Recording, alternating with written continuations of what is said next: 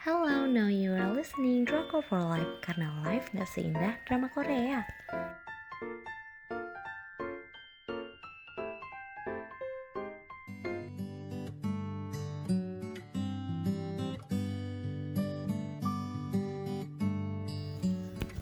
Review drama Korea You Drive Me Crazy Ada Kim Sun Ho yang kejebak friendzone Tapi aku yang baper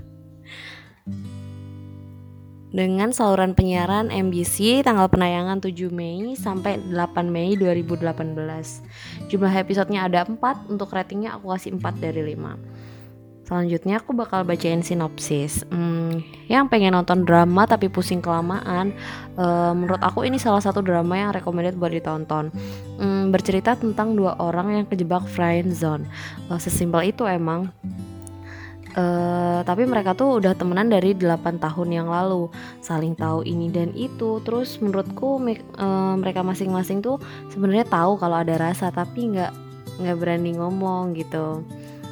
Terus pernah suatu hari terjadi kecelakaan di antara mereka. Mereka ternyata tidur berdua hmm, sebenarnya nggak actually tidur sih ya.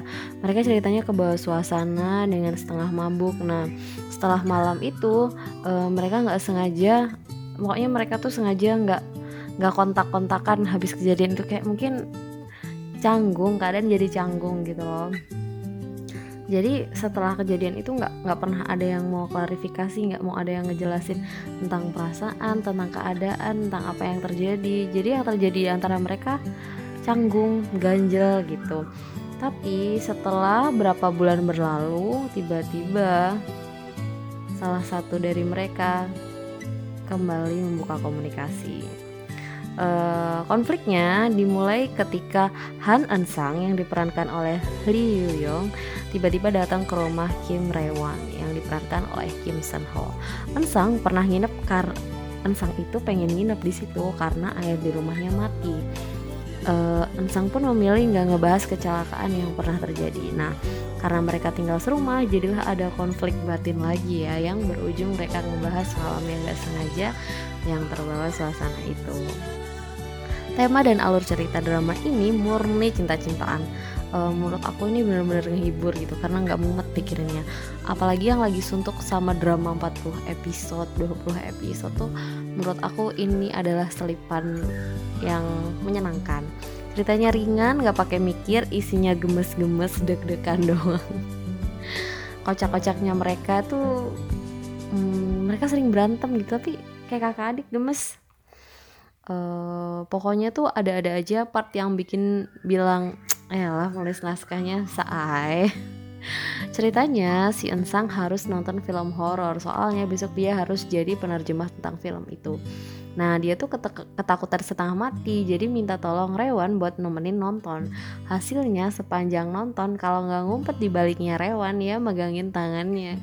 Kan receh banget semua drama ini tuh ada part yang paling bikin boom menurut aku. Uh, speechless titik balik yang akhirnya mereka butuh saling ngejelasin. Suka banget sama responnya Ansang yang habis dibilang kita nggak boleh melakukan ini lagi. Mereka tuh kejebak di situasi yang butuh banyak penjelasan lagi lah pokoknya. Uh, waktu itu mereka ada adegan ini sih kissing scenes. Dan mereka nggak dalam keadaan mabok. Jadi menurut aku itu adalah titik balik mereka harus menjelaskan apa yang terjadi di antara mereka. Terus sesempit-sempitnya cerita di sini, tapi masih sempat-sempatnya ngasih cerita buat second lead.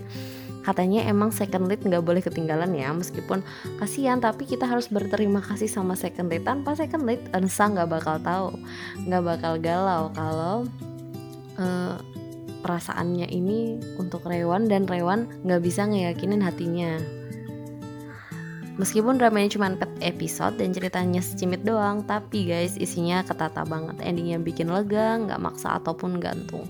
Kalau kata Pak Ustadz, insya Allah happy ending jamaah. oh ya, itu adalah akhir dari review uh, tentang drama ini. Buat kalian yang mau dapat daily update bisa follow di Instagram kita @drakon4live underscore live nya pakai G. Terima kasih yang udah denger.